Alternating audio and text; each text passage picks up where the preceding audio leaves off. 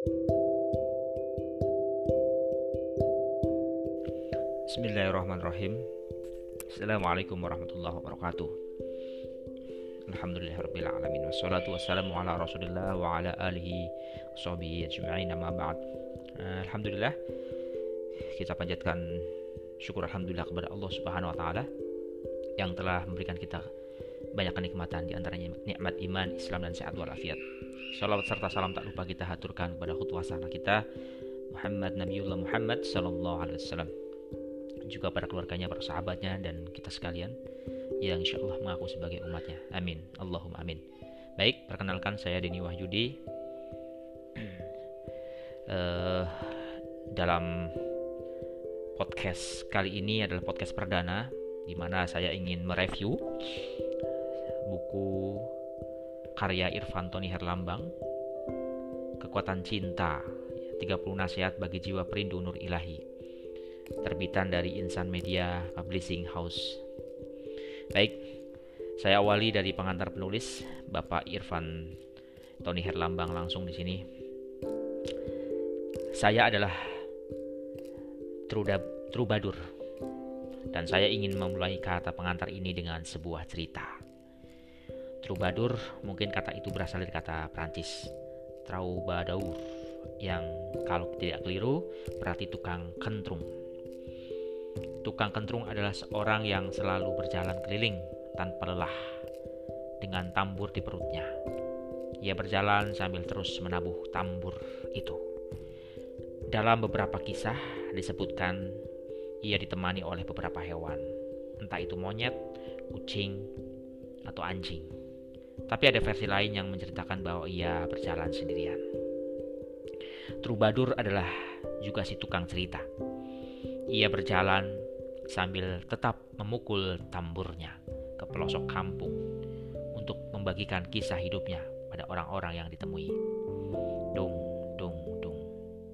Kadang ia berhenti di suatu tempat, lalu memainkan tambur dengan keras agar orang-orang berkumpul. Setelah orang-orang berkumpul, ia lalu akan mulai bercerita, berkisah, berkumam, bersolilokui, dan berdendang tentang dunia yang dilewatinya. Ia ingin membagikan seluruh kisah hidupnya ke semua orang.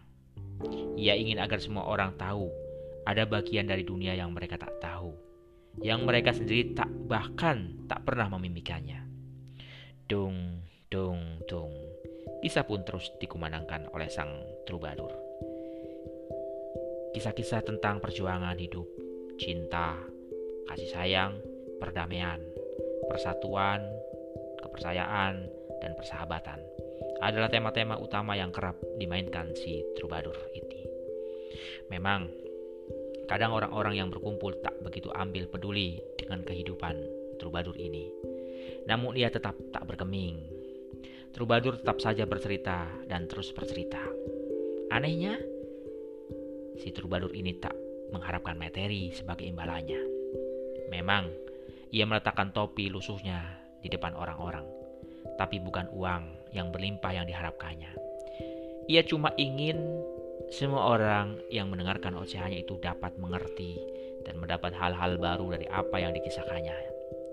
Ia ingin orang-orang itu mendengar bukan dengan telinga, tapi dengan hati. Ia ingin orang-orang itu dapat terus hidup, bukan hanya fisik, tetapi jiwa yang terus berkembang. Ia ingin agar orang-orang itu dapat melihat, mengecap, meraba, bukan hanya dengan indera tapi dengan nurani yang mereka punya. Ia ingin semua orang yang mendengarkan itu memahami bahwa hidup itu adalah hal yang indah dan menyenangkan, sejuk dan menyegarkan, damai dan penuh kenyamanan. Dong, dong, dong. Orang-orang pergi dan berlalu. Si troubadour tetap bercerita dan menyenandungkan lagu tentang kehidupan. Siang telah menjelang dan sang troubadour pun merasa sedikit lelah. Dengan sedikit uang yang diterimanya, ia pun lalu mencari sekedar bangganjal perut. Setelah makan, ia pun kembali melanjutkan ceritanya. Hanya saja kini, orang yang berkumpul makin banyak. Orang tua, pemuda desa, ibu dan bayi digendong masing-masing. Gadis-gadis berkapang dua, anak kecil yang berlarian, semuanya berkumpul di depan si troubadour. Si Trubadur tetap menjalankan ceritanya, sementara orang-orang menyimak. Mereka kerap bersorak, tertawa, sambil menepuk-nepuk punggung kawan di sampingnya. Kadang mereka juga terdiam, merenung, dan membayangkan cerita yang dibawakan sang Trubadur. Dung, dung, dung. Sore datang. Walaupun menjelang, sang Trubadur pun segera menyelesaikan kisahnya. Orang-orang kembali pulang dan berkumpul dengan keluarganya masing-masing. Mereka bisa jadi telah melupakan tukang tubuh tambur itu. Esok pagi, saat orang-orang mulai bekerja dan pergi ke pasar, mereka merasakan ada yang hilang dari kehidupan mereka kemarin. Sang trubadur, si tukang kentrung itu tak ada lagi di dekat mereka. Mereka seakan kehilangan orang yang telah membuat mereka merasa besar kemarin hari. Walaupun kemarin mereka memandang biasa kehadiran si trubadur, namun sekarang mereka merasa lebih yakin, lebih percaya diri, lebih dewasa, lebih bijak, dan lebih baik dari keadaan sebelumnya. Mereka berpikir, bisa jadi inilah, ini adalah berkat cerita yang mereka dapat sebelumnya dari si Trubadur. Sementara sang Trubadur telah berjalan jauh ke daerah yang lain sambil tetap memukul tambur. Teman, itulah sang Trubadur si tukang cerita. Dan itu pula yang menjadi alasan saya untuk menuliskan, menyampaikan, dan mengirimkan tulisan kepada Anda semua.